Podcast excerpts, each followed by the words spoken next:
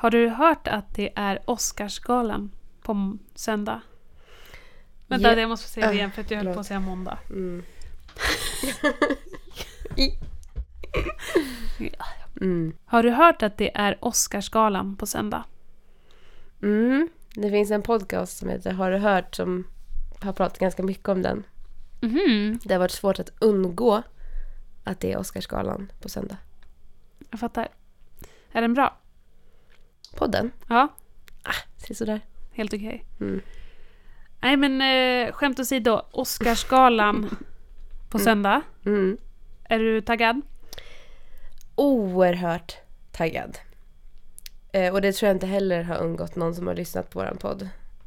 Att vi eh, är ju sinnessjukt. Vi är som besatta. Lite läskigt. Mm. Ja, men det känns ju kanske inte så otippat att vi gör det här specialavsnittet. Dedikerat helt och hållet till Oscarsgalan. Vi ser jättemycket fram emot det här. Vi är supertaggade. Vi har våra papper redo. Och vi hoppas att eh, det här kan vara en, en, ett roligt avsnitt.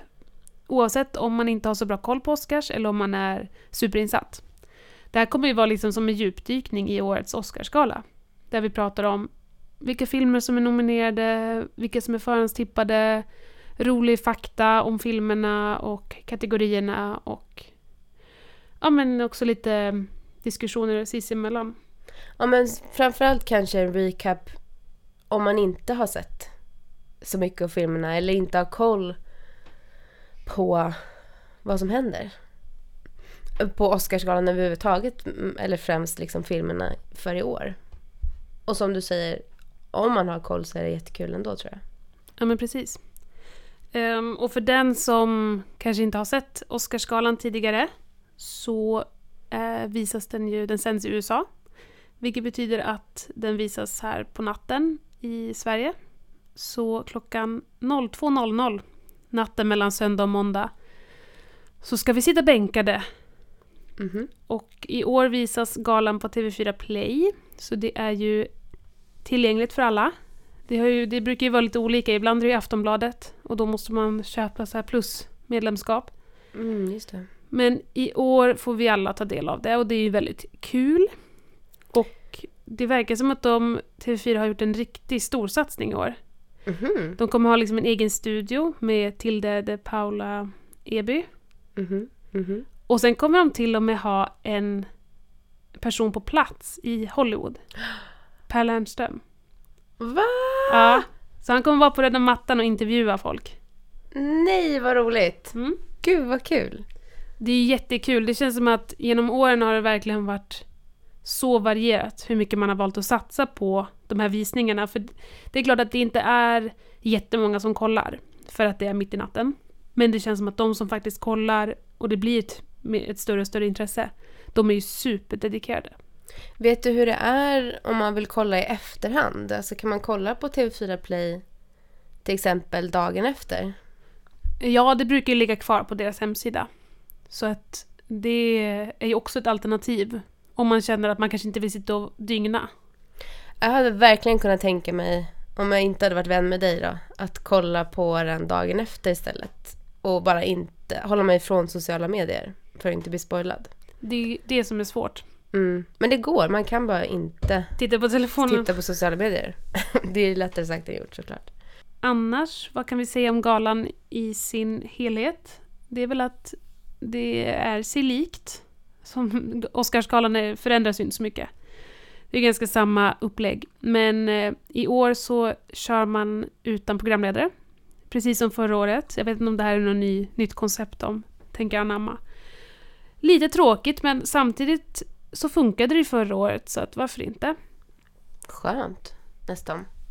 De har ju ändå så många som presenterar de här priserna att det är kanske inte någon större förlust. Nej, jag tycker inte det. Men annars så tänkte vi väl upplägget på det här avsnittet är att vi, vi kommer börja med att liksom presentera de större filmerna, de som är nominerade för Best Picture. Och sen kör vi kategori för kategori. Och vi kör i samma ordning som de brukar delas ut på galan. Det brukar vara ett ganska bra upplägg. Mm. Känns det bra? Det låter asbra. Ja, då kör vi. It's a great honor to be here among so many talented women and men. Congratulations to all of you. You made it. We're at the Oscars. Vi kan ju inleda med att bara presentera de filmer som har flest nomineringar. Det är ju en del titlar som, som faktiskt dominerar med nomineringar. Ja, men exakt. Den filmen som leder bland nomineringarna, det är ju Joker. Mm. Med 11 nomineringar. Inte illa. Nej, och eh, det här är väl kanske en av de mer mainstream-filmerna som är på agendan. Det är ju liksom Batmans nemesis, Jokern, som är i fokus. Och det är Todd Phillips som har regisserat. Och det är väl helt enkelt en ny take bara på, på Jokern. En lite mer bakgrundsberättelse, hur han blev Jokern.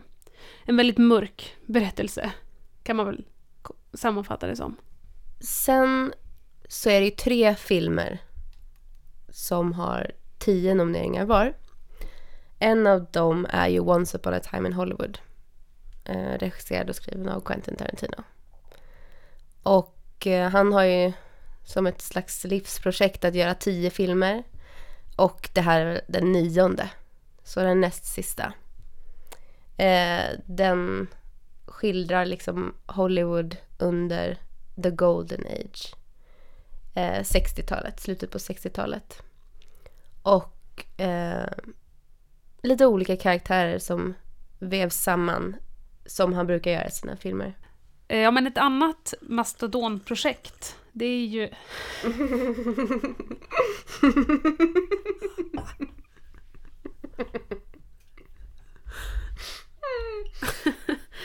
Här sitter jag och surplar kaffe. Varsågod, fortsätt. Eh, jo, men ett, ett annat eh, megaprojekt, det är ju The Irishman. Som är en, maffe, en klassisk maffiafilm av Martin Scorsese. Och likt Once upon a time så är den liksom över tre timmar. Eh, The Irishman är nästan över tre och en halv timme. Så det är ett riktigt megaprojekt. Och det är också eh, en berättelse som tar oss genom flera olika decennier. Eh, från 40, 50, 60-talet. Och få liksom följa en klassisk maffiaberättelse helt enkelt. Sen har vi ju då 1917. En film av Sam Mendes. Elinas telefon blippar fast jag sa sätt på stör ej. Um, han har gjort uh, Skyfall, American Beauty, Revolutionary Road. Och den här filmen uh, skildrar då två soldater i första världskriget som ska leverera ett meddelande för att förhindra en massaker helt enkelt. Och eh, speciellt för den här filmen är ju att den är gjord som att det ska vara i en enda lång tagning.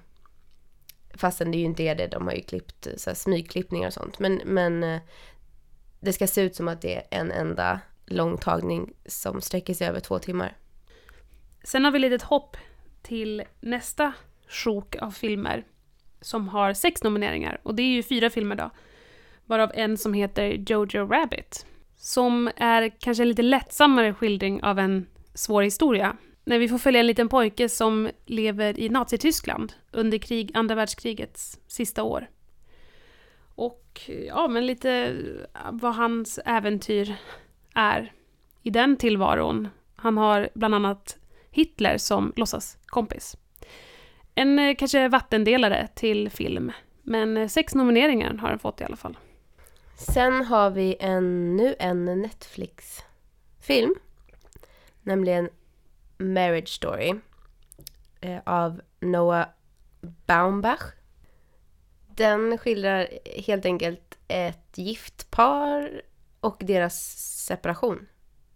Eh, och inte så mycket mer avancerat än så. Det är en väldigt vacker skildring av eh, svårigheterna i det men också det vackra i det. Eh, efter det har vi den enda icke-engelska filmen som har tagit hem en massa nomineringar och det är ju Parasit. En sydkoreansk film av Bong Joon-ho som verkligen har tagit världen med storm. Ehm, en film som skildrar klassamhället i Korea på ett väldigt nyanserat och originellt sätt. Den sista filmen som också har sex nomineringar är Little Women av Greta Gerwig. Och det här är ju, den är baserad på en, en roman från 1800-talet. Och den har skildrats ganska många gånger i både film och tv. Och nu skildras den återigen. Men eh, den handlar om en eh, författarinna och hennes systrar och deras, deras liv. Helt enkelt. Med fyra nomineringar har vi Ford vs Ferrari, eller Le Mans 66. Det är lite olika titlar beroende på vart i världen man befinner sig. Men det är egentligen en ganska klassisk racingfilm. Eh, baserad på en sann historia som utspelade sig på 60-talet. Eh, om det här eh, racingkriget som pågick mellan Ford och Ferrari. Matt Damon och Christian Bale i huvudrollerna och eh, James Mangold som har regisserat. Den sista filmen i den här topp 10-listan är ju faktiskt inte nominerad till bästa film. Eh, men den har tre nomineringar och det är eh, Star Wars, The, The Rise of Skywalker. Och det här är ju den nionde filmen och sista filmen i den här Skywalker-sagan som har sträckt sig från 77 till nutid. Men då har vi fått en liten formell presentation av... Jag, spe, jag spelar ju in. Men det gör inget, it's natural, all natural. Förlåt. Jag lyssnade inte. Jag höll på med något annat. Förlåt, varsågod. Eh, jag skulle bara säga, då var vi färdiga med liksom lite mer formella presentationen av filmerna. Tycker jag vi kan gå in på nomineringarna och lite mer diskussion. Mm. Some of you will be going home tonight with an Academy Award. What could be better than that? Nothing, right? So, oh. Okej, men vilken är den första kategorin? Den första kategorin är Actress in a supporting role. På svenska bästa kvinnliga biroll. Yes. I den här kategorin är ju, som i alla skådespelarkategorier, en eh, ganska tydlig favorittippad eh, vinnare. Nämligen i den här kategorin Laura Dern för Marriage Story. Hon har ju vunnit i alla andra de stora galorna. Eh, Golden Globes, Bafta och så vidare. Sen har vi ju Scarlett Johansson som ju faktiskt är nominerad i två kategorier. Hon är nominerad för bästa biroll här för Jojo Rabbit men också nominerad för bästa huvudroll, bästa kvinnliga huvudroll för Marriage Story. En annan som jag tycker är väldigt roligt att hon är nominerad är Florence Pugh för Little Women. Men det jag tycker är lite konstigt här är ju att hon inte är nominerad för Midsommar. Midsommar saknas ju helt i den här Oscarsgalan.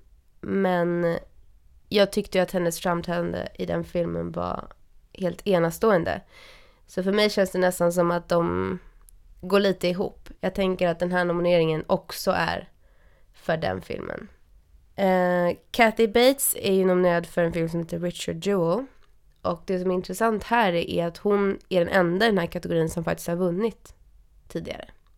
Mm. Uh, Margot Robbie är nominerad för Bombshell. Uh, hon har varit nominerad tidigare för bästa huvudroll för I, Tanya. Men vinner någon av de fyra, förutom Kathy Bates, så blir det liksom en första vinst. Vilket är roligt. Det är väldigt roligt. Laura Dern har ju varit med i branschen väldigt länge. Så det känns ju verkligen på tiden att hon får en Oscars tycker jag. Mycket välförtjänt. Så du håller egentligen med om... Du, hon är favorittippad även för dig? Ja, 100 procent. Jag, jag är ju väldigt svag för Laura Dern. Har ju henne som en personlig favorit i, alltid. Men jag tyckte också när jag såg Marriage Story att hon gjorde en fantastisk roll. Mm. Det känns lite som att det här också är typ till hela hennes karriär. Ja. Eh, jag håller helt med. Ehm, jag förstår inte riktigt till exempel varför Margaret Robbie är nominerad för Bombshell. Ehm, då hade man ju till exempel kunnat nominera Jennifer Lopez istället. Ja, Det är ju ett av årets största snabbs, som det då kallas. Att hon inte blev nominerad för filmen eh, Hustlers. ja, den är ju verkligen, det har ju varit otroligt omtalad. Och eh, om jag förstått det rätt så har ju hon också kampanjat stenhårt för att bli nominerad. Men icket. Icket, eh, det hade ju varit lite representation, lite latinamerikansk eh, representation. Eh, istället för att till exempel nominera Scarlett Johansson två gånger. Ja, nej det är ju inte försvarsbart egentligen. Nej. Och vad jag förstår, jag har inte sett filmen, men så var det en väldigt bra roll. Hon Mm. gjorde ett väldigt bra jobb. Sen har vi då två kategorier som är makeup and hairstyling och costume design. Och de är egentligen inte så avancerade. Det är helt enkelt makeup och hår. Och kostym. Kostymdesign. Kul. Två väldigt roliga kategorier. Mm. I kategorin makeup och hår så är det faktiskt den enda kategorin som Maleficent är nominerad i. Maleficent är ju helt enkelt uppföljaren. En uppföljare eh, om, om Maleficent, alltså eh, fienden i Törnrosa. Och det är Mm. Angelina Jolie som är titelrollen. Och det är ju en väldigt speciell makeup och styling. Mm. Men i den här kategorin så är ju Bombshell favorittippad. Eh, och där har de ju i princip förvandlat de här kvinnliga skådespelarna, Charlize Theron och Nicole Kidman framförallt. Eh, och några manliga skådespelare att efterlikna riktiga personer. Eh, och de har gjort ett väldigt bra jobb. Eh, den här personen som har gjort eh, makeup till Bombshell gjorde också det till Darkest Hour. Där eh, Gary Oldman förvandlades till Winston Churchill. Och om jag inte missminner mig så vann eh, också den filmen för den här kategorin. Ja. Så den känns ganska självklar faktiskt att det blir Bombshell som tar hem den här. Ja, och jag menar med all rätta. Alltså jag kommer ihåg när jag såg Bombshell så det tog ju några minuter innan jag fattade att det faktiskt var Charlize Theron. För att det var så snyggt gjort. Ja, det är helt sinnessjukt. Jag tycker att eh, Judy, som också är nominerad, är värd att nämna. För att eh, det jag tyckte jag också var väldigt snyggt gjort. När eh, de har också gjort en slags förvandling eh, av Renee Zellweger till Judy Garland. Sant. Jag tänker också vara en shoutout till 1917 som jag tyckte hade väldigt bra makeup. Framförallt hur de visar liksom när en person dör så hade de gjort väldigt snyggt liksom hur det gradvis personen fick blekare och blekare hy. Mm. Väldigt snyggt gjort. Och väldigt rolig trivia också, att de hade verkligen tänkt på det. Det är något som brukar missas i andra filmer. Att de verkligen har lagt ner tid och jobb på att det ska vara realistiskt. Jag håller med, väldigt snyggt. Sen har vi då kostym. Eh, och här är ju Once upon a time in Hollywood favorittippad. Och eh, det måste jag säga att jag inte riktigt eh, står bakom faktiskt. Eh, det är en person som heter Arian Phillips. Eh, och hon har varit nominerad tre gånger bland annat för Walk the Line. Och ehm, alltså absolut, hon har gjort ett jättebra jobb att få de här personerna att se väldigt tidsenliga ut. Väldigt 60-taliga ut. Men det finns ju andra nominerade i den här kategorin, till exempel Little Women. Där för mig, det är liksom ett helt annat eh, detaljarbete. Det är ju inte det. Det är ju bara vad jag tycker personligen också. Att det är ju förmodligen lika mycket jobb som alla lagt ner. Men, men i Little Women så är det ju också i väldigt filmiskt, filmat i detalj, kostymen. Jag vet inte om du håller med? Jo men absolut, jag har definitivt Little Women som favorit. Alltså inte bara för att jag, såna här kostymdraman kanske har mer, det kanske är mer liksom detaljarbete bakom.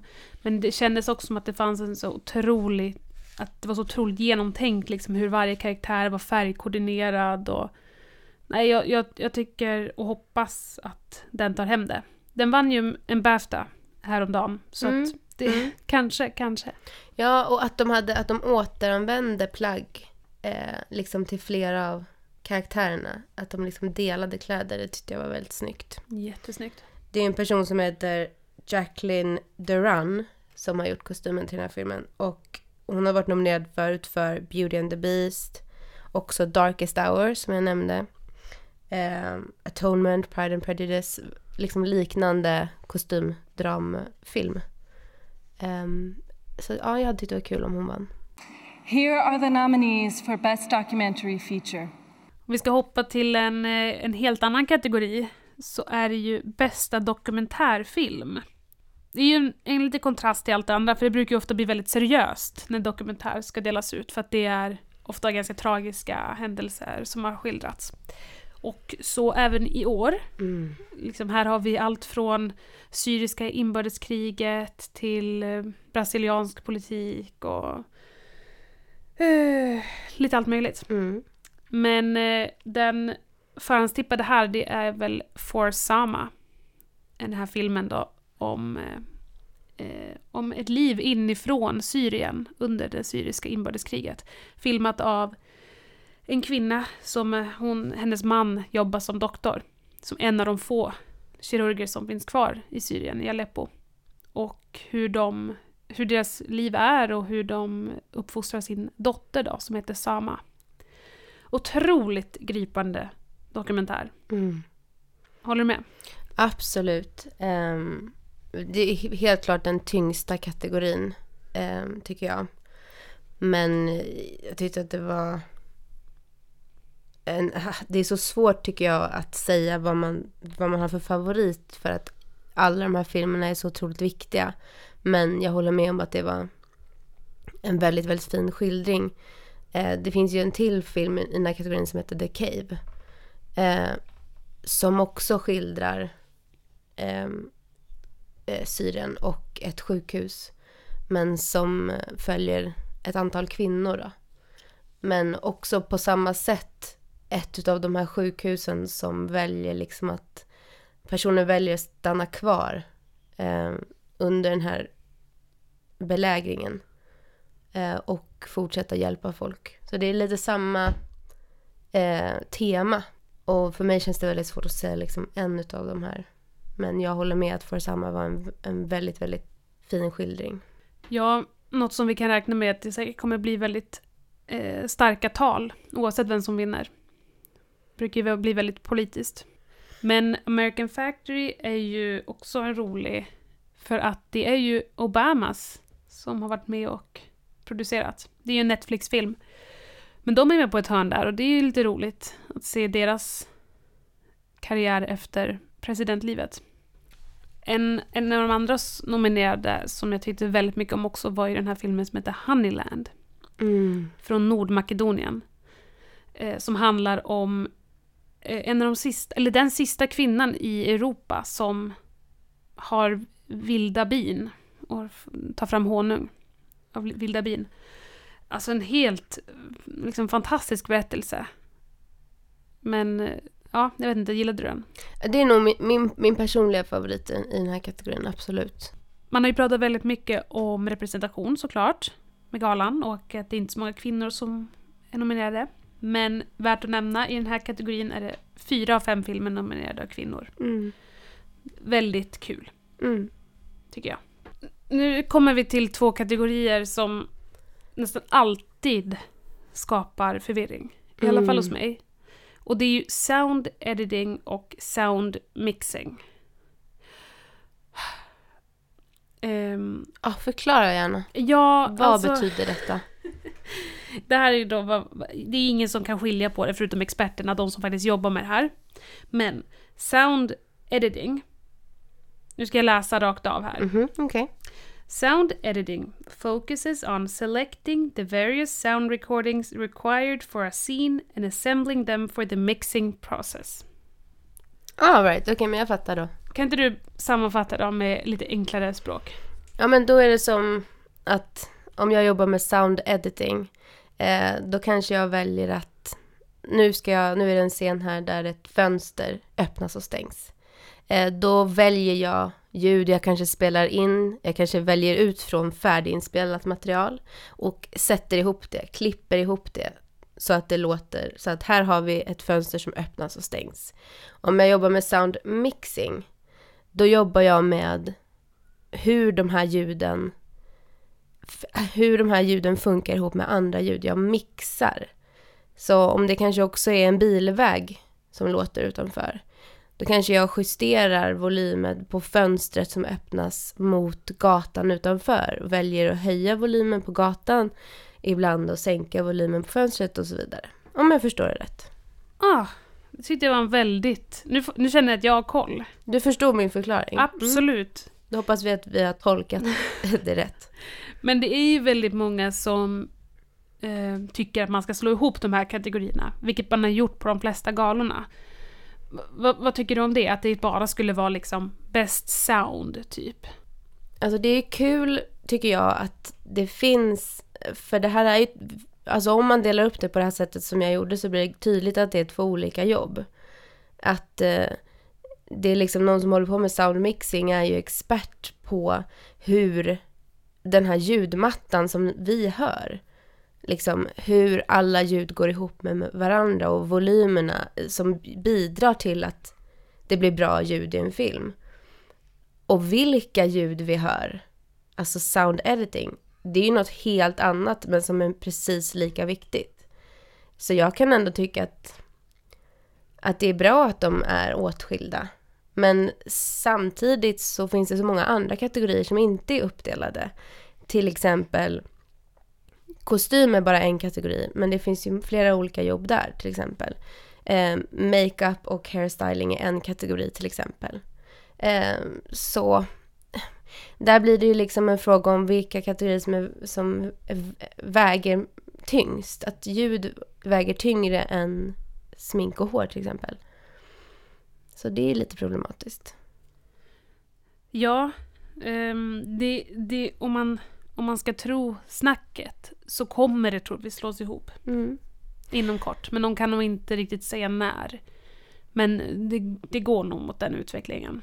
I och med att liksom det ändå är så svårt att hänga med på vad, vad det betyder och som sagt att andra kategorier är ihopslagna. För att det ska bli lättare att hänga med på galan och för alla att förstå så då kan man kanske slå ihop det. Så länge alla är representerade inom kategorin. Ja, och oftast är det ju samma film som vinner de här kategorierna. Mm. Um, och troligtvis även i år. Mm. I år är väl egentligen två nämnvärda eh, nominerade och det är ju Ford vs Ferrari och 1917.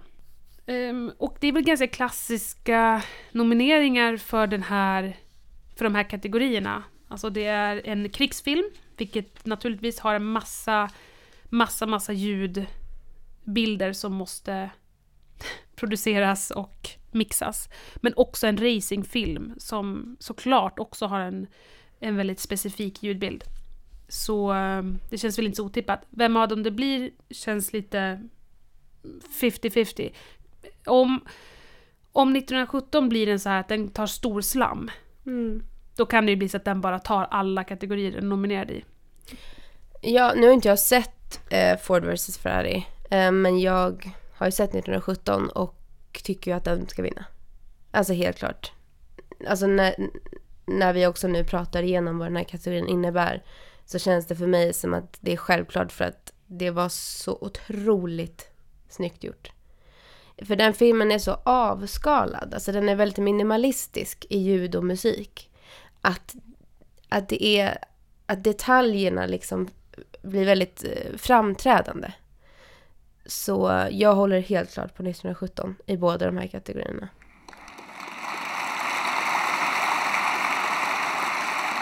And the Oscar goes to... Sen har vi en kategori som heter Production Design. På svenska översatt till scenografi.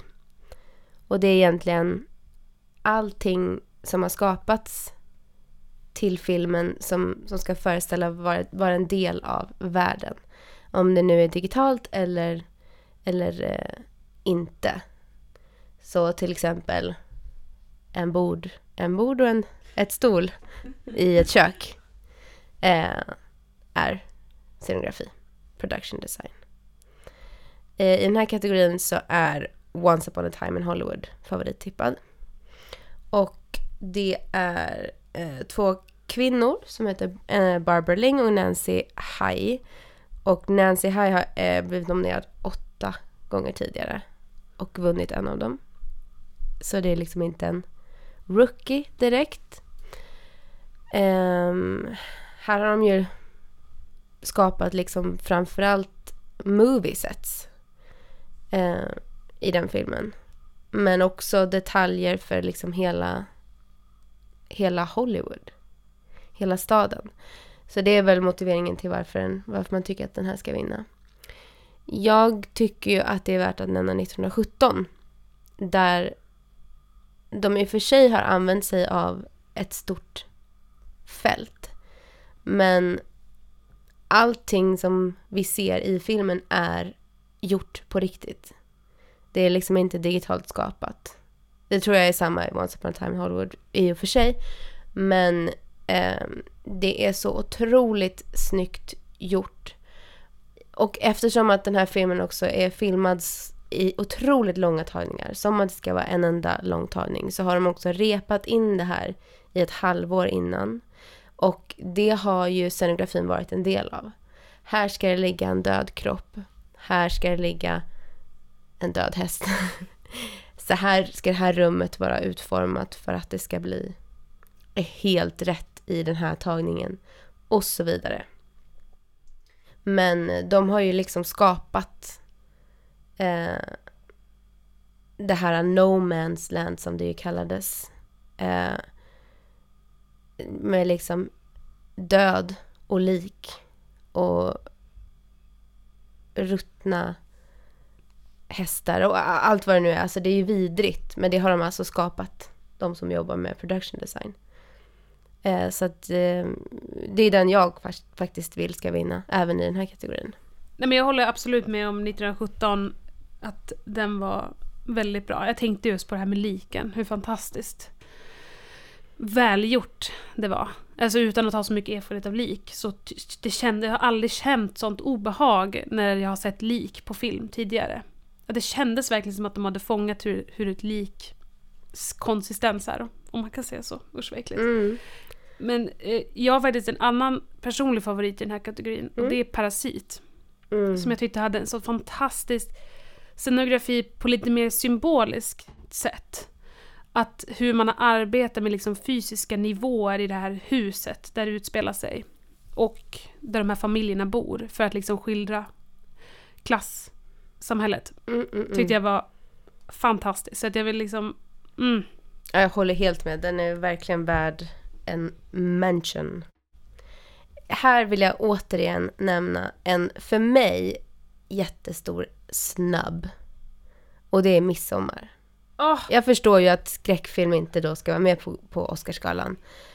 Men alltså när jag hade sett den filmen så var jag... Vi har ju pratat om den ganska mycket i podden. Men det som jag var främst liksom helt...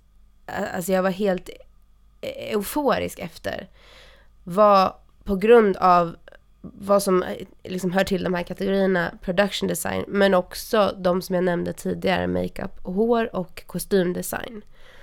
Alltså de har ju skapat en hel religion. Eh, den, är, den, är ju på, den är påhittad och allting som hör, alltså alla kläder, alla byggnader, varenda tavla i varenda rum.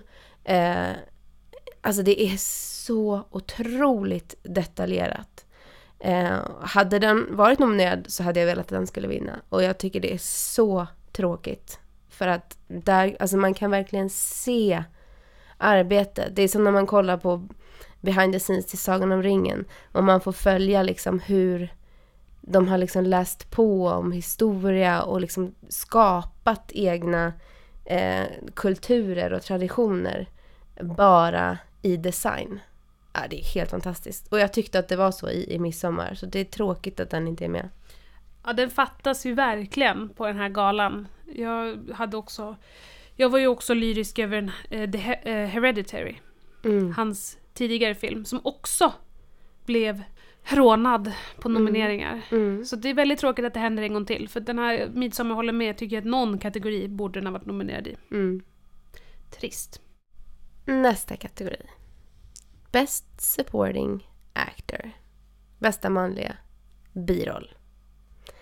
Här, liksom i bästa kvinnliga biroll, så finns det en ganska självklar favorittippad vinnare. Nämligen Brad Pitt. För Once upon a time in Hollywood.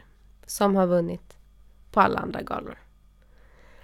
Um, han har ju varit nominerad tidigare. Uh, han har vunnit en gång, men det var för bästa film där han var uh, producent. Uh, så det skulle ju vara hans första vinst. De andra i den här kategorin är eh, Tom Hanks, Anthony Hopkins, Al Pacino, John Pesci. De är... John Pesci? Joe Pesci har alla vunnit tidigare. Så trots att jag kanske inte håller med om att det här är... Jag håller inte med om att Brad Pitt ska vinna. Jag tycker inte att det här är en jättestark roll. Jag har pratat tidigare om att jag tycker att Leonardo gjorde, skulle ha nominerats istället. Eh, men när jag liksom ställer honom mot de andra, även om jag tycker att deras insatser var kanske bättre, framförallt Anthony Hopkins då, som är min favorit från eh, The Two Popes, så kan jag hålla med om att det är kul att Brad Pitt vinner eftersom han inte har vunnit tidigare. Kanske får man se det som en, slags vinst för hela hans karriär, att han liksom förtjänar det här med tanke på hur länge han har varit i branschen. Trots att det inte är en jättestark roll. Jag vet inte, vad tänker du om den här kategorin? Nej men jag tänker väldigt, väldigt samma som, som du. Det är ju, han är ju otroligt omtyckt i branschen, om man har förstått det rätt. Och han har ju liksom varit väldigt charmig nu när han har gått och tagit emot alla de här priserna som han har vunnit för den här rollen. Men jag, jag, jag, jag tycker faktiskt inte att den är så minnesvärd. Men, så, så att det är inte min personliga favorit. Jag hade ju hellre sett Al Pacino eller Joe Pesci. Men Mm. Ja, alltså jag tycker kanske att liksom... Och hade någon av dem vunnit hade jag tyckt att det var tråkigt Va? faktiskt. Ja, jag vet att du eh, liksom älskar dem. Jag hade ju mycket, mycket hellre sett att till exempel han som spelar pappan i Parasit hade blivit nominerad i den här kategorin. Oh ja! Eh, Det är en oh, person ja. som heter Kang Ho Song. Och han, alltså han gjorde ett så starkt framträdande. Det, det varit mycket roligare om han var nominerad än någon av de här gamlingarna, höll jag på att säga. Nej men absolut, man hade, bo, jag tycker kanske inte att båda två hade blivit bli nominerade Nej. från The Irishman. Det, men det känns som att här gör man verkligen så här, det här är sista gången de kommer bli nominerade för något. Tror du? Ja det tror jag. Jag, tror inte, jag vet inte hur mycket Al Pacino kommer, och Joe Pesci kommer, han, han skådespelar ju knappt längre. Mm. Så att det känns som att det var typ en så här sista, varsågod, tack för ditt, din karriär. Mm. Och alltså så Anthony Hopkins, jag, jag liksom, han har hållit på hur länge som helst. Han behöver verkligen inte vinna men alltså jag tyckte ju att han, alltså jag har inte fattat liksom hur bra han är. Men när jag såg den här The Two Popes, jag bara fy fan vilken jävla legend. Ja. Och då fatt, jag fattar ju, det har, ju han, det har man ju tyckt i många år. Men däremot känns det ju som att jag har inte sett A Beautiful Day in the Neighborhood som Tom Hanks är nominerad för. Men liksom Tom Hanks behöver väl inte vinna han mer? Nu börjar det kännas som att det är någon Meryl Streep, här. att han ja. blir nominerad så fort han är med i en film. Alltså mm. så här, mm. jag älskar Tom Hanks men alltså han, klar, han klarar sig. Han mm. har blivit nominerad mm. tillräckligt. En fun fact är faktiskt att han är en av två personer som har vunnit eh, två år i rad. Det är imponerande. Mm. Alltså eh, bland män. Ja. Eh, det är han och en till. Han vann ju både 90 4,95. Forrest Gump. Först Philadelphia och sen ah, Forrest Gump. Eh, Nej men så han klarar ju sig, ja. som vi hör. Men många gamla män i den här kategorin. Ja, många gamla vita män. Ja, en annan rolig fun fact är ju faktiskt att det liksom, rekordet för äldsta nominerade person är ju Christopher Plummer. Som faktiskt nominerades i den här kategorin när han var 82 år gammal. Damn. Mm, så han slog eh, rekordet på 81. Eh, så eh, det är riktigt jävla gammalt alltså. Ja. Men han var faktiskt med, han var ju med i den här filmen Knives Out.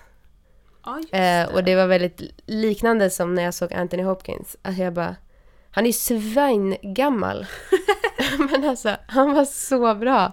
Det blir att man liksom blir ännu mer för att han är uråldrig. Att man bara, hur fan kan du fortfarande vara så bra på att skådespela? Men Ja. ja, det blir nog Brad Pitt.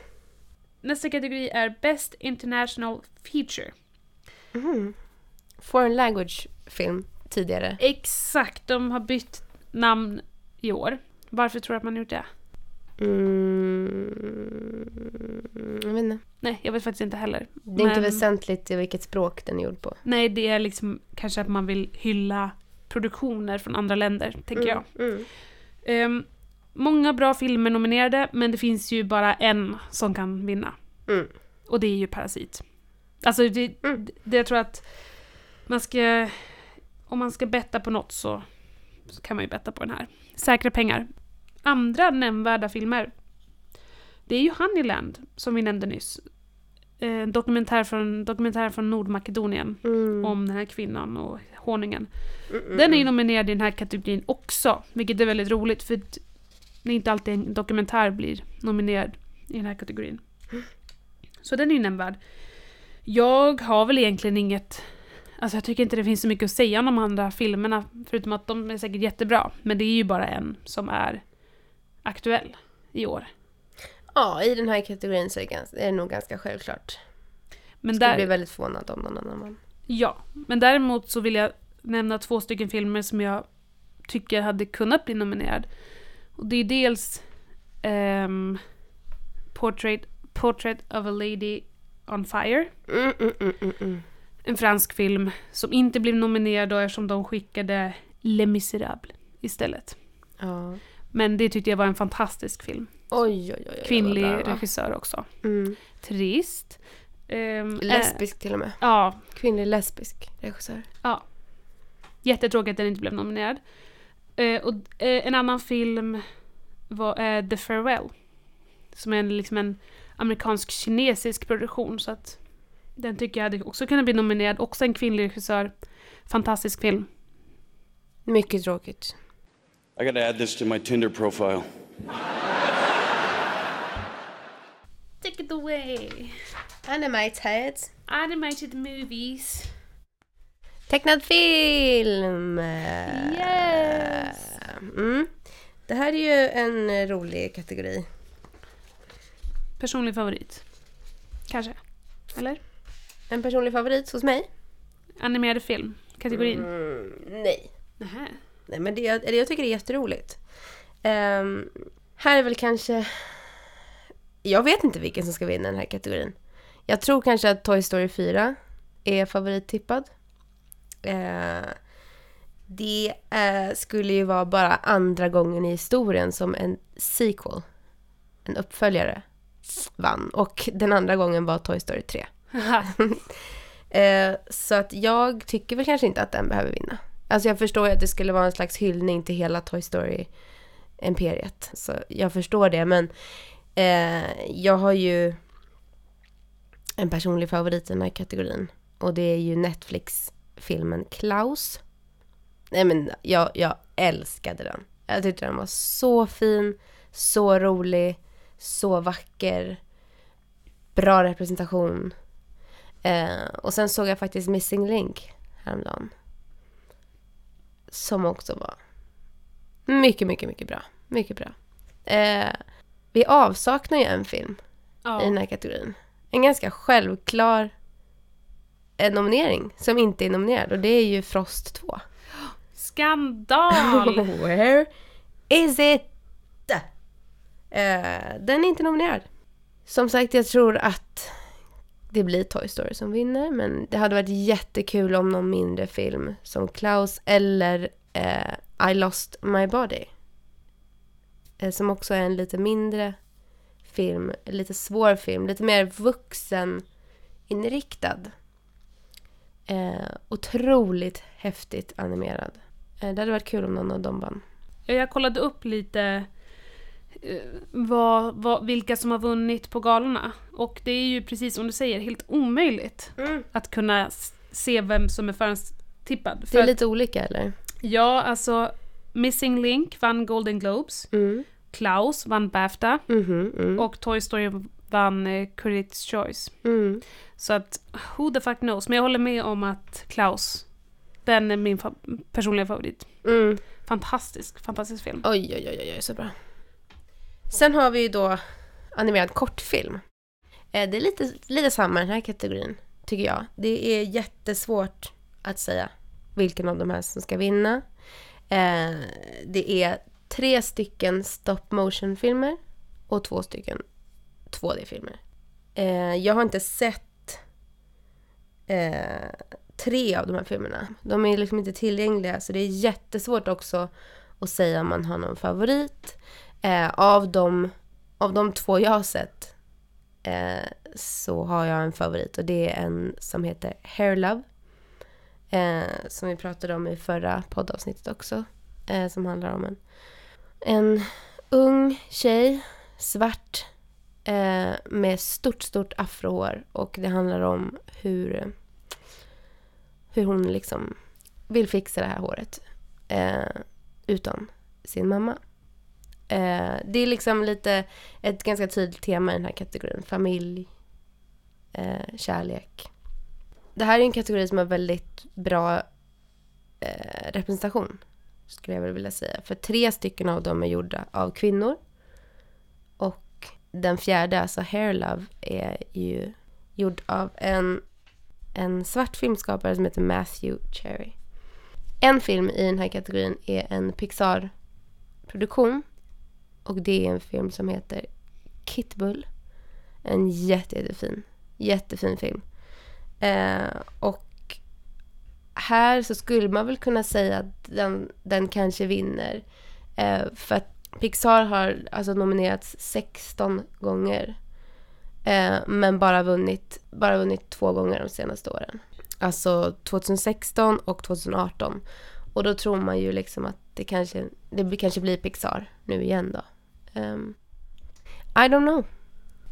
Okej, moving on to visual effects. Alltså specialeffekter helt enkelt. Uh, en väldigt svår kategori att tippa någonting om egentligen. Tycker jag varje år nästan. För att eh, alltså specialeffekter nu för tiden är ju så pass bra att eh, jag tycker att det mesta ser fantastiskt ut. Men eh, i år har vi ju dels lite av de här klassiska specialeffekterna, typ när det är krig eller actionfilm, typ Avengers, eh, Star Wars. Men sen har vi också The Irishman som är nominerad. Och det är ju framförallt för att de har tagit fram en sån här de-aging teknik. Alltså hur man föryngrar skådisarna. Och, och sen har vi då Lejonkungen. Som är liksom en helt... Den, hela den är ju an, animerad eller gjord med specialeffekter eller vad man ska säga. Mm. Jag, alltså jag har faktiskt ingen aning. Alltså jag vet inte ens vilka jag vill. För att när jag tänker på det så vet jag inte om vilken jag tycker, om det är någon som sticker ut liksom. Enligt IMDB så är Avengers favorittippad. Avengers Endgame. Eh, jag hade väl tyckt kanske att det var roligt om Lejonkungen vann. Ja, det känns som att den har ju inte blivit nominerad i någonting annat. Nej. Så den kanske kan få den. Ja. En annan lite teknisk ehm, kategori är ju filmediting, alltså hur en film är klippt. Och det kan ju ha extrem betydelse för en films resultat. Och här har vi ju faktiskt en film som fattas. Och det är ju 1917. Mm. Alltså 1917 är ju en av de här filmerna som man tror kan ta stor slam, som jag nämnde Mm. tidigare. Mm. Men det är ju faktiskt så att det är bara en film de senaste 40 åren som har vunnit Best Picture men inte varit nominerad i Film Editing. Och det är Birdman. Och det som Birdman och 1917 har gemensamt det är ju att de båda var liksom de här Hela filmen är gjord som att den är utan någon tagning. Mm. Så när man tänker på det så är det kanske inte så konstigt att 1917 inte är nominerad i den här för det är ju inte så mycket klippningar.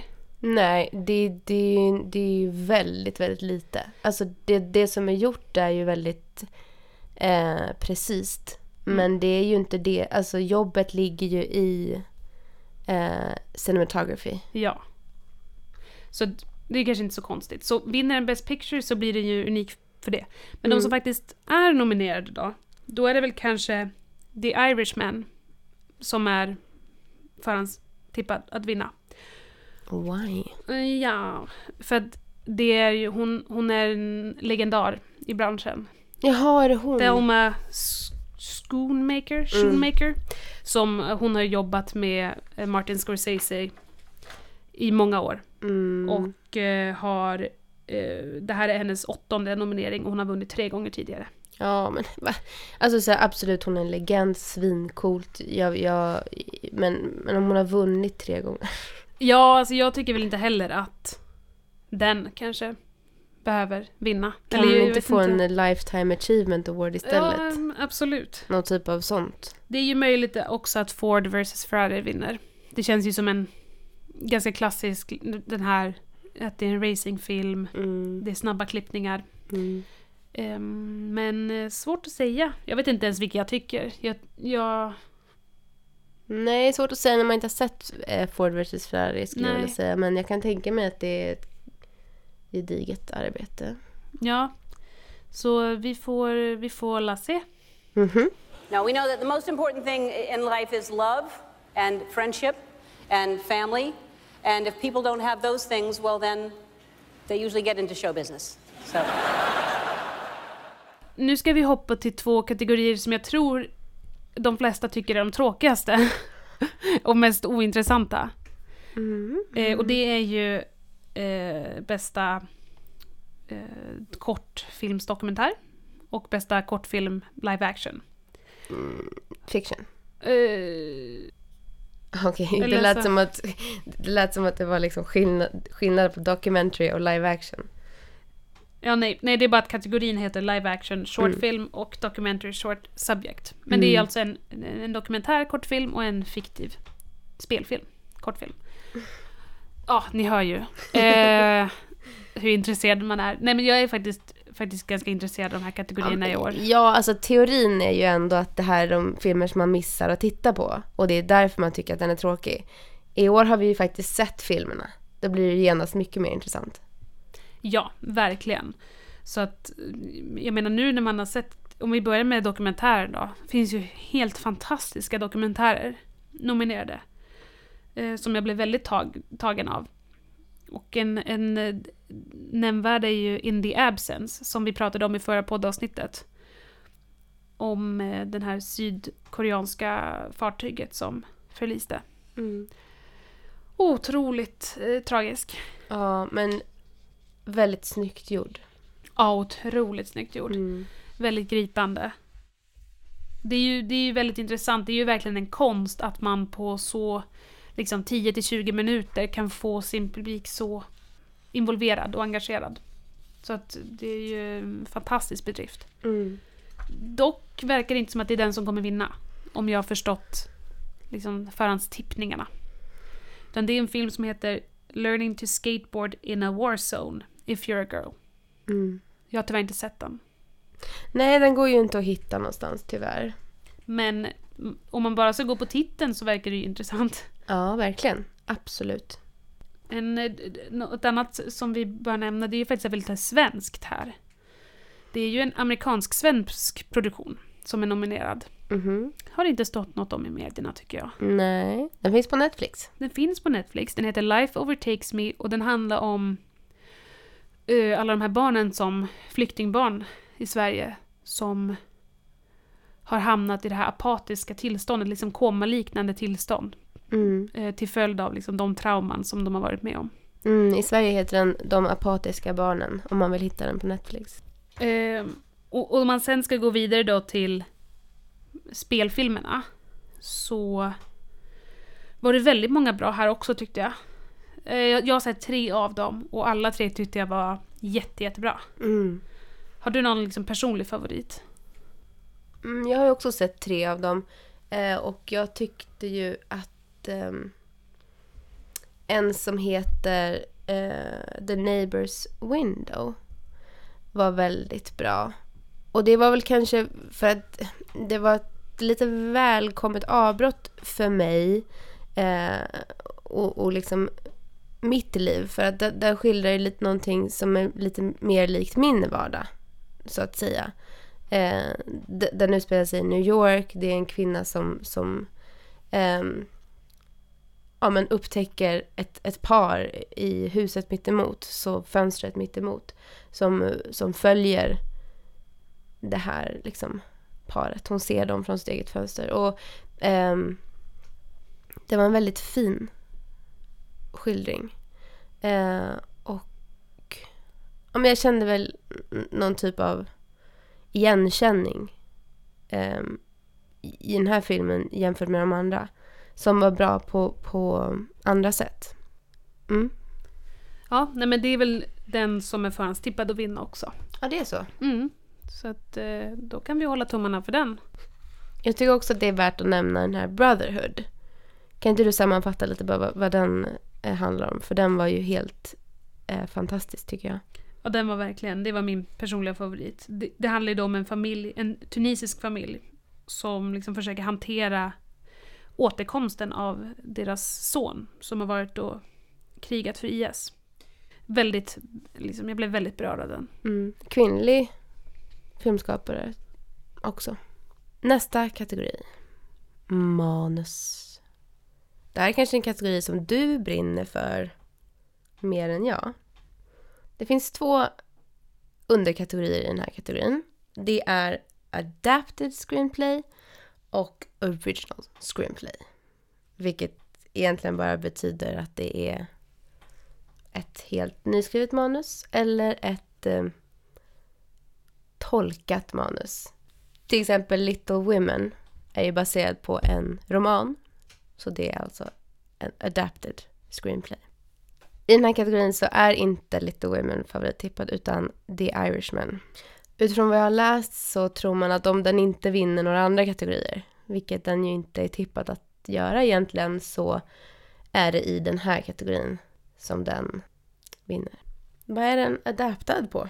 Den är baserad på en bok som heter I heard you paint houses. Som också är en fras i, i filmen.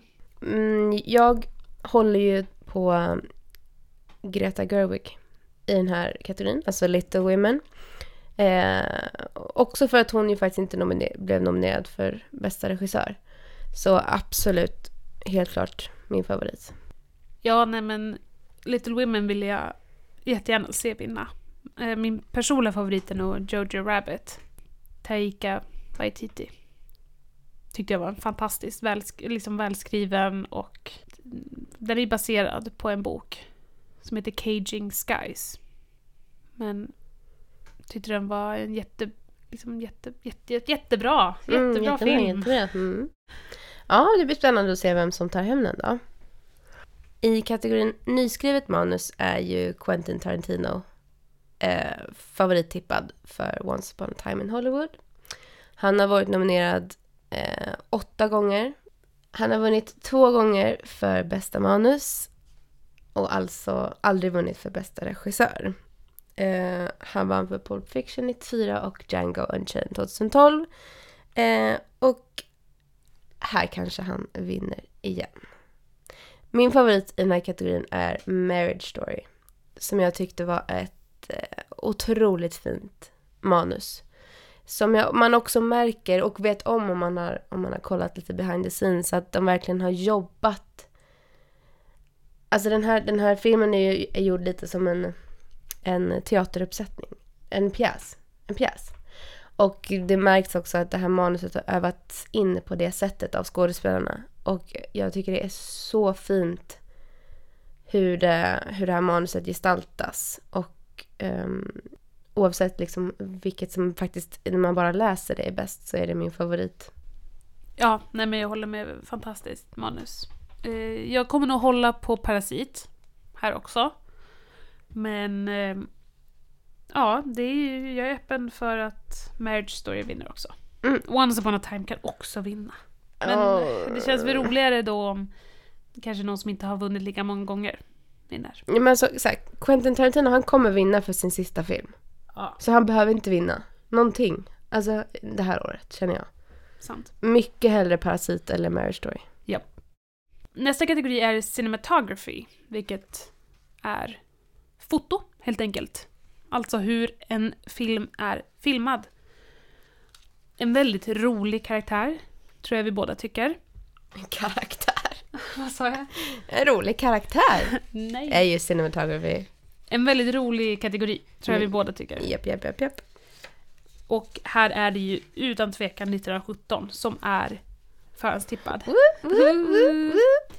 Eh, nej men alltså, den är ju en, eh, liksom en utmanande film för en filmare och det brukar ju uppskattas av Oscars kommittén.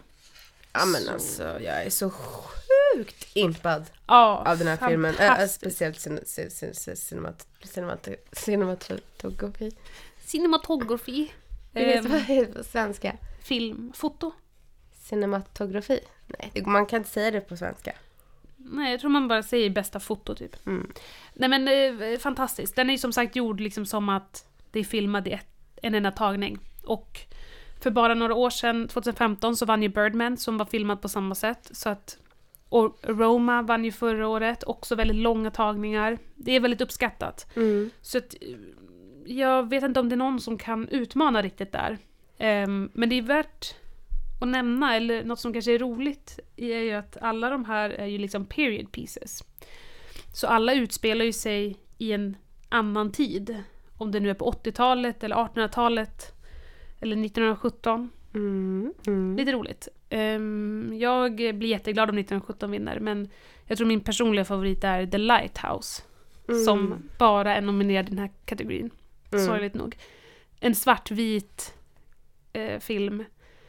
Med ett helt fantastiskt foto. Alltså man blir alldeles... Jag vill bara rama in varenda liten bild. Mm. Ja, men alltså, jag hade blivit jätteglad om Lighthouse vann. Jag blir också superglad om 1917 vinner. Det, det är nog den, om jag, ska, om jag ska välja en så kommer jag hålla på den. Och Roger Deakins som har blivit nominerad 15 gånger. Eh, jag tycker det är lite roligt att han gjorde fotot till Shawshank Redemption. Som är ju den alltså högst ratade filmen på IMDb of all time. Ehm, um, så, ja, jag håller på den. I want you to know that I love you and I think you're talented. I do. And I think you should think of yourselves as winners. Not all of you, but the people who have won before should think of yourselves as winners. Musica! La musica!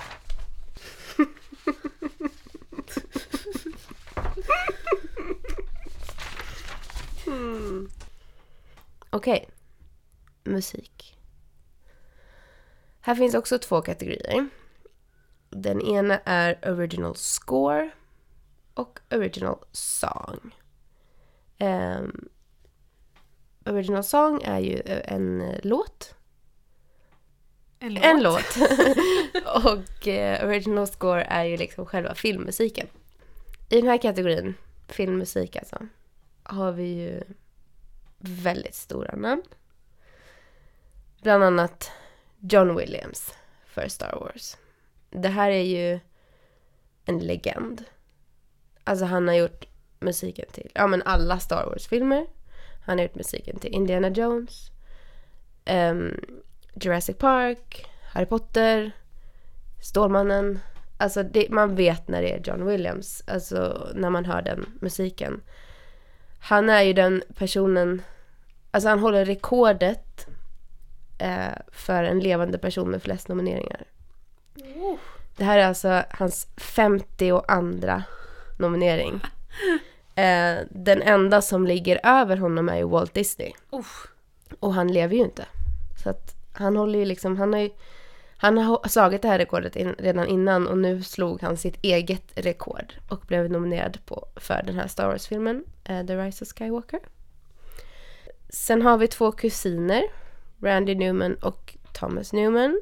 Eh, Randy för Marriage Story och Thomas Newman för 1917. I den här kategorin så finns det ju en person som jag tror vi båda väldigt gärna vill ska vinna och som också är favorittippad. Och det är ju eh, Hildur Gudnadottir för Jokern.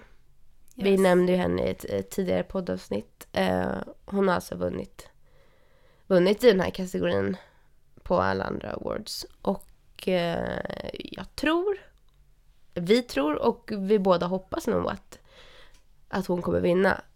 Alla de här, äh, som sagt det är väldigt stora namn. Alltså det är de andra fyra männen som hon delar liksom den här kategorin med är ju alltså legender allihopa. Eh, ingen av dem behöver vinna.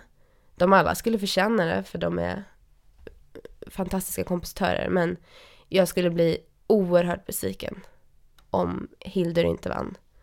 Eh, det är, som jag också sa i det här poddavsnittet, väldigt, väldigt roligt att se en kvinna i den här kategorin. Där en kvinnan aldrig, nästan aldrig är, är representerad. Jag har inte sett det tidigare. A whole new world. Inte nominerad. Nej. Bästa låt. Ehm, I den här kategorin så är ju Elton, Elti, Elti Johnny favorittippad. För um, en låt från Rocketman tillsammans med sin medkompositör Bernie Taupin. De här är favorittippade. De har väl vunnit det på alla andra galor. Eh, personligen tycker jag att den här låten är jättetråkig. Eh, men det här ser jag också lite som att det skulle vara en hyllning till hela hans karriär. Eh, Rocketman är ju inte representerad i någon annan kategori. Så det är kul att den, den blev nominerad. Jag tycker väl kanske inte att den behöver vinna. Ehm, jag tycker det är värt att nämna eh, Cynthia Erivo som också är nominerad eh, för bästa kvinnliga huvudroll för sin porträttering av Harriet Tubman i Harriet. Hon har ju också skrivit en låt som heter Stand Up eh, tillsammans med en annan person och hon är även nominerad i den här kategorin. Den första personen som blev nominerad för bästa eh, huvudroll och låtskriveri samma år var faktiskt Lady Gaga. Som nominerades förra året. För förra året? Förra året? Förra året. Förra året. för eh, Shallow i A Star Is Born. Ehm, så det vore kul om, om Cynthia vann bara utav den anledningen. Här är det värt att nämna Här är det ju värt att nämna att vi också avsaknar en låt. Och det är ju Spirit från Lejonkungen. Beyoncé. Eh, det är väldigt tråkigt faktiskt att den inte är nominerad. Min personliga favorit i den här kategorin är nog ändå um, Randy Newman. Yes, Randy Newman som skrev musiken till Marriage Story. Har också skrivit musiken till Toy Story 4. Han har skrivit musiken till alla Toy Story-filmer. Och han har också varit nominerad för många av de här klassiska låtarna från de filmerna. Eh, och han är nu nominerad med låten I can't let you throw yourself away. Jag ser väldigt mycket fram emot att se honom uppträda med den här låten under galan. Jag håller faktiskt på Frozen i den här kategorin. Bara för att de inte blev nominerade i bästa animerad film. Into the unknown. True. Så den hoppas jag kan få ett litet pris åtminstone.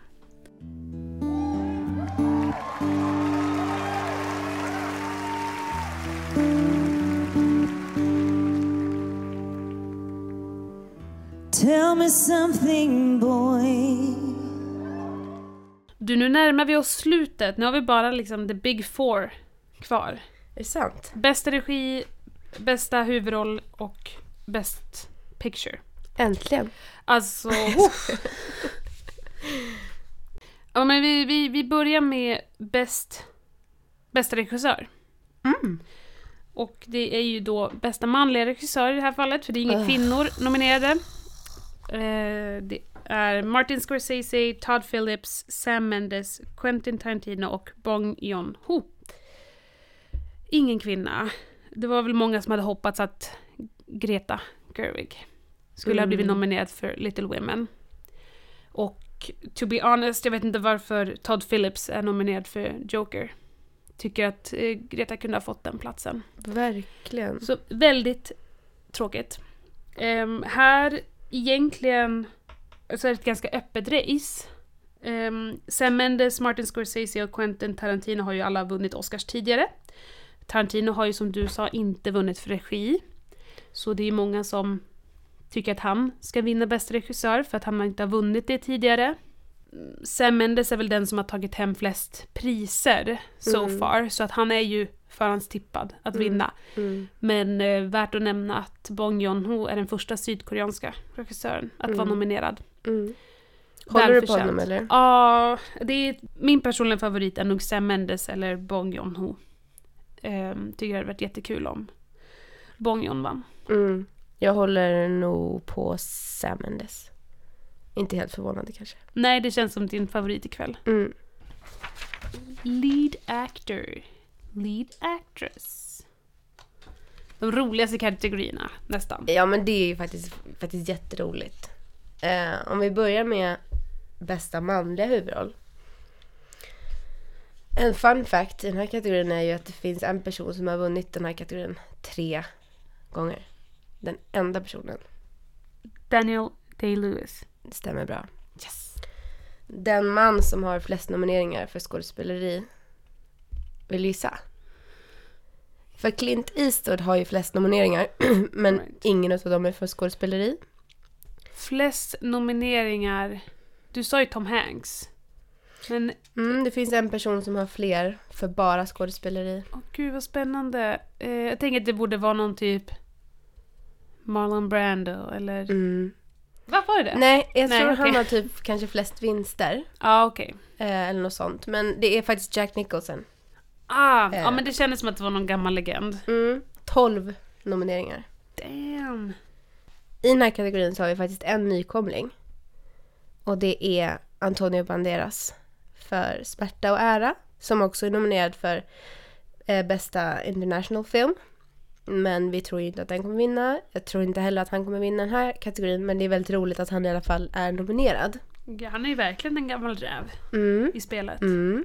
Eh, så det tycker jag är väldigt roligt. Eh, sen har vi ju Leo. Eh, vad var det Brad Pitt kallade honom? LDC. LDC. Eh, för Once upon a time in Hollywood. Som jag har sagt många gånger. Jag tycker att det var ett jätte, jättebra framträdande. Framträdande? Ja, Performance. Ehm, din favorit i den här kategorin är väl ändå Jonathan Price Yes. för The Two Popes. Vi är verkligen, det är de gamla gubbarna som går hem. Ja. Eh, jag... Eh, vi är lite olika i och för sig. Jag tyckte ju om eh, Anthony Hopkins mer. Och du tycker mer om Jonathan Price. Mm. Eh, jag tror inte att någon av de här gamla gubbarna kommer vinna. Nej. Eh, den som är favorittippad i den här kategorin är ju Joaquin Phoenix för Joker. Ehm, Också en favorit, vill jag säga. Absolut, alltså han, han bär ju hela den filmen. Eh, vilket kanske är varför jag håller med dig också om att han inte, att Todd Phillips inte behöver vinna för bästa regi. Det är ju, det är Joaquin Phoenix skådespeleri som bär hela den här filmen. Det är som en one man show. Ja, det, det, jag tycker det är lite konstigt att den filmen har flest nomineringar faktiskt. Mm. Ehm, för att jag tyckte att filmen var helt, helt, helt fantastisk. Men så här i efterhand så har jag ju förstått att mycket av det som var helt, helt, helt fantastiskt var ju den rollprestationen. Mm. Så. Så jag tycker, jag tycker, jag tycker att han ska vinna. Alltså han, han som sagt bär hela den här filmen. Ehm, han har vunnit alla andra priser också så det vore ju inte helt eh, otippat. Men han har ju en ganska stor contender. Eh, min älskling Adam Driver. Som eh, skulle kunna vinna. Han skulle kunna vinna. Mm. Eh, han, har ju, han blev ju nominerad även förra året eh, för Black Klansman. Och nu är han då nominerad för Marriage Story.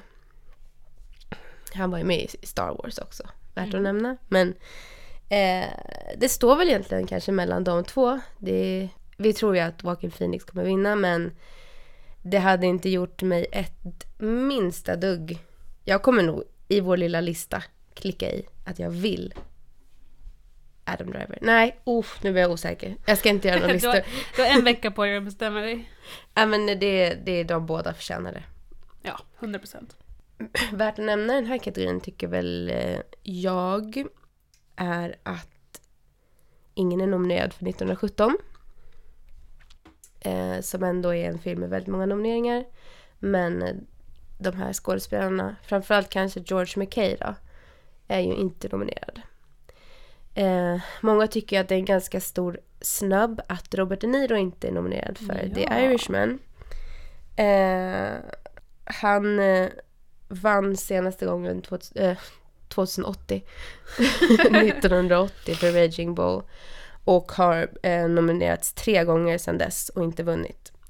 Så man tycker kanske att han hade förtjänat att bli nominerad i alla fall. Eh, jag tycker väl kanske att han är en till gammal gubbe och det hade varit mycket roligare att se till exempel George McKay, ett nytt ansikte, eh, nomineras.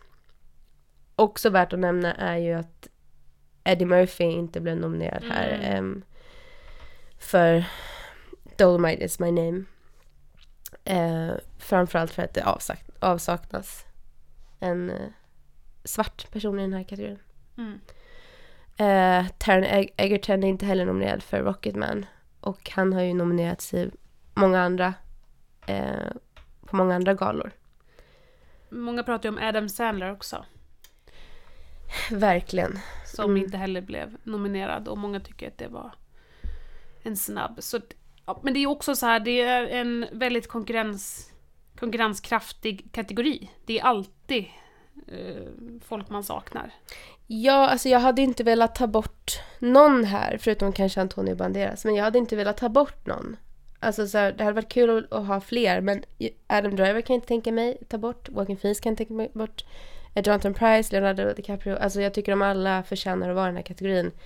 Sen finns det ju ingen representation Nej, eh, hos de nam- namnen som jag precis sa. Antonio Banderas är i alla fall ehm, spansk. Nice. I did it. I did, it. Thank you so much. Congratulations to those men. Fun facts about this category är ju att rekordet eh, för eh, flesta, flest vinster någonsin hålls av en kvinna. Nämligen Eh, är det um, Catherine Hepburn? Yesbox. Eh, hon har vunnit fyra gånger eh, för bästa kvinnliga huvudroll. Det är alltså rekordet overall. För vinster. Men eh, Meryl Streep håller ju rekordet för flesta nomineringar. Med, vad är det, 21? 21? Ja, någon sjuk som är. Ja. Ehm, hur som. Här har vi ju då Cynthia Erivo för Harriet. Det som är roligt här är ju att om hon vinner så skulle hon bli den yngsta personen någonsin att ha en EGOT. Alltså en Emmy, Grammy, Oscar och Tony. Hon har allt förutom en Oscar. Eh, hon är helt fantastisk eh, sångerska. Jag har inte sett henne så mycket eh, i, som skådespelare i film. Men hon, hon är helt sinnessjuk. Och hon är även nominerad då för bästa låt. Vilket är roligt.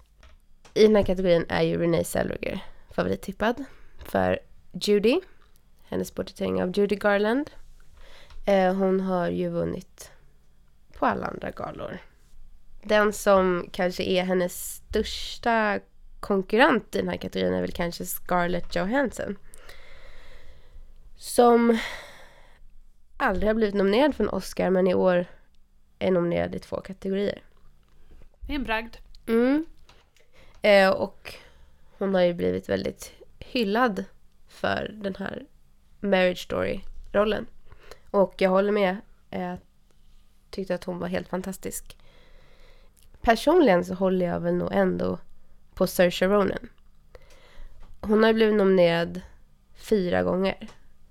Och hon är bara 25 år gammal. Hon blev nominerad första gången hon var 13. Och snart, snart måste hon väl vinna. Känner jag. Hon är liksom den, eh, efter Jennifer Lawrence, den yngsta kvinnan som har så många nomineringar vid en så ung ålder. Det är värt att nämna att vi faktiskt avsaknar framförallt två personer i den här kategorin skulle jag vilja säga. Dels Aquafina i The Farewell och sen Lupita Nyong'o i Us. Ja.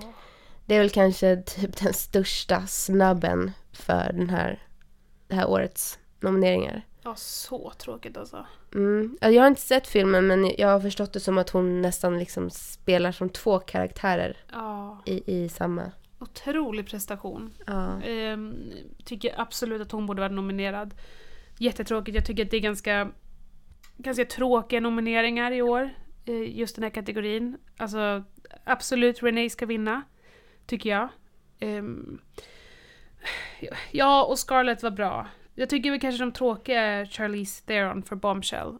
Och tyvärr kanske Saoirse Ronan. Tyckte kanske inte att hon stack ut i filmen. Utan jag tyckte att eh, det var jättebra prestationer som en ensemble. Men jag tyckte inte att hon gjorde någonting som var värt att bli nominerad för om man ska säga så. Okej, jag förstår vad du menar. Jag hade hellre haft Lupita. Ja, men jag, jag, eh, jag köper det. Det känns ju snarare som att om Saoirse skulle vinna skulle det vara för att hon har blivit nominerad så många gånger och inte vunnit än. Och om man liksom samlar hennes, alla hennes roller så förtjänar hon det. Men man ska ju såklart se, egentligen se liksom det enskilda, ehm, den enskilda rollen för sig. Ska vi ta den sista stora Är vi där alltså? Bauta-kategorin? Oj, oj, oj, oj, oj. We have arrived. Best picture. Bästa film. Helt omöjlig kategori. Mm. Alltid varje år. Okej, men alltså om du bara skulle säga... Alltså, du- har ju en favorit. Ja, jag har en favorit. Ja. Parasit. Mm. Men Men 1917 är typ tied nästan. för dig personligen. Ja, för mig personligen. Mm. Absolut. Mm. Och din är... Det, det kanske inte är så svårt att gissa. Eh, Det, det, du sa det tidigare, det är min stora favorit. Jag... eh, Jag håller på den. Absolut. Om man ska titta på vilka som har vunnit på de andra galorna så är det just 1917, vann Golden Globes, vann en Bafta. Parasit vann ju det här jätte eh, fina priset på Cannes-festivalen som också brukar vara en liksom, förhandstippning. Eh, men också SAG Awards. Men sen vann ju Once upon a time också Golden Globes för där är det ju delat i två kategorier. Och Critics Choice Awards. Så att de tre känns ju som att det kommer stå mellan. Mm. Och jag tror, jag, tror näst, jag tror att det kommer bli som förra året, att Roma är nominerad i jättemånga kategorier. Som det var då. Det är samma med Parasit, jag tror att man kan likställa dem lite. Och att eh, kanske Bong Joon-ho vinner bästa regissör och en massa andra priser, men inte bästa film. Mm. Det är typ fortfarande lite för långt steg för akademin att, att en eh, icke-engelsk film ska vinna bästa film. Alltså, jag håller ju med om att det vore jättekul om den vann av den anledningen.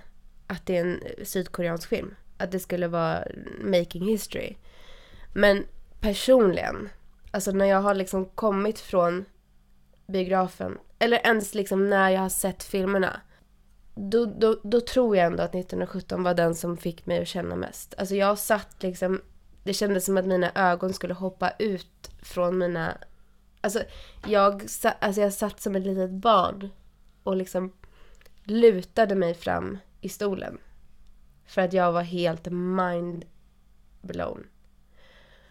Och jag gillar ju det här filmtekniska. Det är därför jag tycker om Once upon a time in Hollywood. Eh, det är nästan typ den enda anledningen till att jag tycker om Once upon a time in Hollywood. Förutom Leonardos skådespelarinsats. Att det liksom är så minimalistiskt i film, i fotot. Eh, men sen nu när jag sitter och pratar och tänker liksom på Parasit så var det ju samma där. Då var, det var också så här... Det var också lite mindblown faktiskt. Ja, men jag tror att eh, någon av de tre, alltså eller för mig, om 1917 eller Parasit vinner då är jag så nöjd jag kan vara. Mm. Eh, om The Irishman eller Once upon a time vinner så kommer jag nog känna så här. Ja, då tror jag att det är mer därför att man vill hylla regissören. Men jag tänker så här, med 1917. Alltså den är ju inte nominerad för till exempel skådespelarinsats insatser överhuvudtaget. Vilket gör den till en väldigt intressant film i den här kategorin. Alltså att den skulle vinna alltså bara baserad på allt annat som i filmen. Eh, det är ju ganska speciellt. Men tycker man då att den hör hemma i den här kategorin? Alltså bästa film. Hör inte liksom skådespelare... Nu tycker jag ju att skådespelarinsatserna var alldeles fantastiska. Men jag vet inte, alltså förstår du hur jag menar? Det är ju främst fotot som gör den här filmen till det den är. Ja, alltså det, det är ju intressant i det fallet för då är ju Parasit också i samma kategori. Att man... Äh, inga skådespelarprestationer fastän vi båda Mm. tyckte att det var väldigt bra skådespelarprestationer. Mm. Så att å ena sidan kan man ju säga att eh, är, det, är, är det liksom fortfarande eh, värd att vinna. Å andra sidan Mm. kan man ju tycka att då, blir, då vet man ju med säkerhet att det inte är skådisen som bär filmen. Mm. Utan filmen bärs av alla de olika elementen. Som gör en film. Fotot, Mm. eh, musiken, klippning, vad det nu är. Och samtidigt som skådespelarinsatserna fortfarande i de här filmerna, Parasiten 1917, är, är liksom Fantastiska. fantastiska. Så att, ja, personligen så, det är inte ett problem. Nej, Alltså jag tycker ju hellre att någon av dem skulle vinna än Joker till exempel. ja, i övrigt. Det är ju nio filmer totalt nominerade. Men... ehm, Little Women hade varit kvin, eh, kvinnor. Eh, ja, absolut. Det hade varit kul. Jojo Rabbit, kul. Marriage Story, kul. Men eh, i slutändan så är de liksom för... De är inte med i racet, så att säga. Tänk om det blir så att eh, Ford vs Ferrari tar hem priset. Då är vi många som blir chockade. Men Ja. det har ju hänt förr att filmer har blivit, bara kommit från ingenstans. Mm. Och helt tagit alla med surprise. Mm. Jag är öppen för det. Det är kul. Jag gillar när Mm. saker händer. Det ska Mm. inte vara för förhandsbestämt. Nej men verkligen, verkligen. We did it! We- we did we did it! Om någon har lyssnat ända tills nu, tack för att du lyssnade. Applås, applås, Hoppas att applås. det gav någon guidning i den här djungeln. Nej, men jag sa det till, till Elina också att om ingen lyssnar så det spelar oss ingen roll för vi tycker det är så kul att bara göra det här. Alltså vi hade ju suttit och pratat om det här bara för varandra. Ja. Men det hade varit så kul om någon tyckte att det här verkligen var givande och intressant. Så um, I länk, bland länkarna i vår avsnittsbeskrivning så kan man också eh, se Fannys eminenta lista över vart man kan se alla Oscarsfilmer. mm. Så om det är någon som har blivit extra taggad på någon av filmerna vi har pratat om så kan man alltså gå till vår avsnittsbeskrivning och hitta dem där. Mm. tack för idag!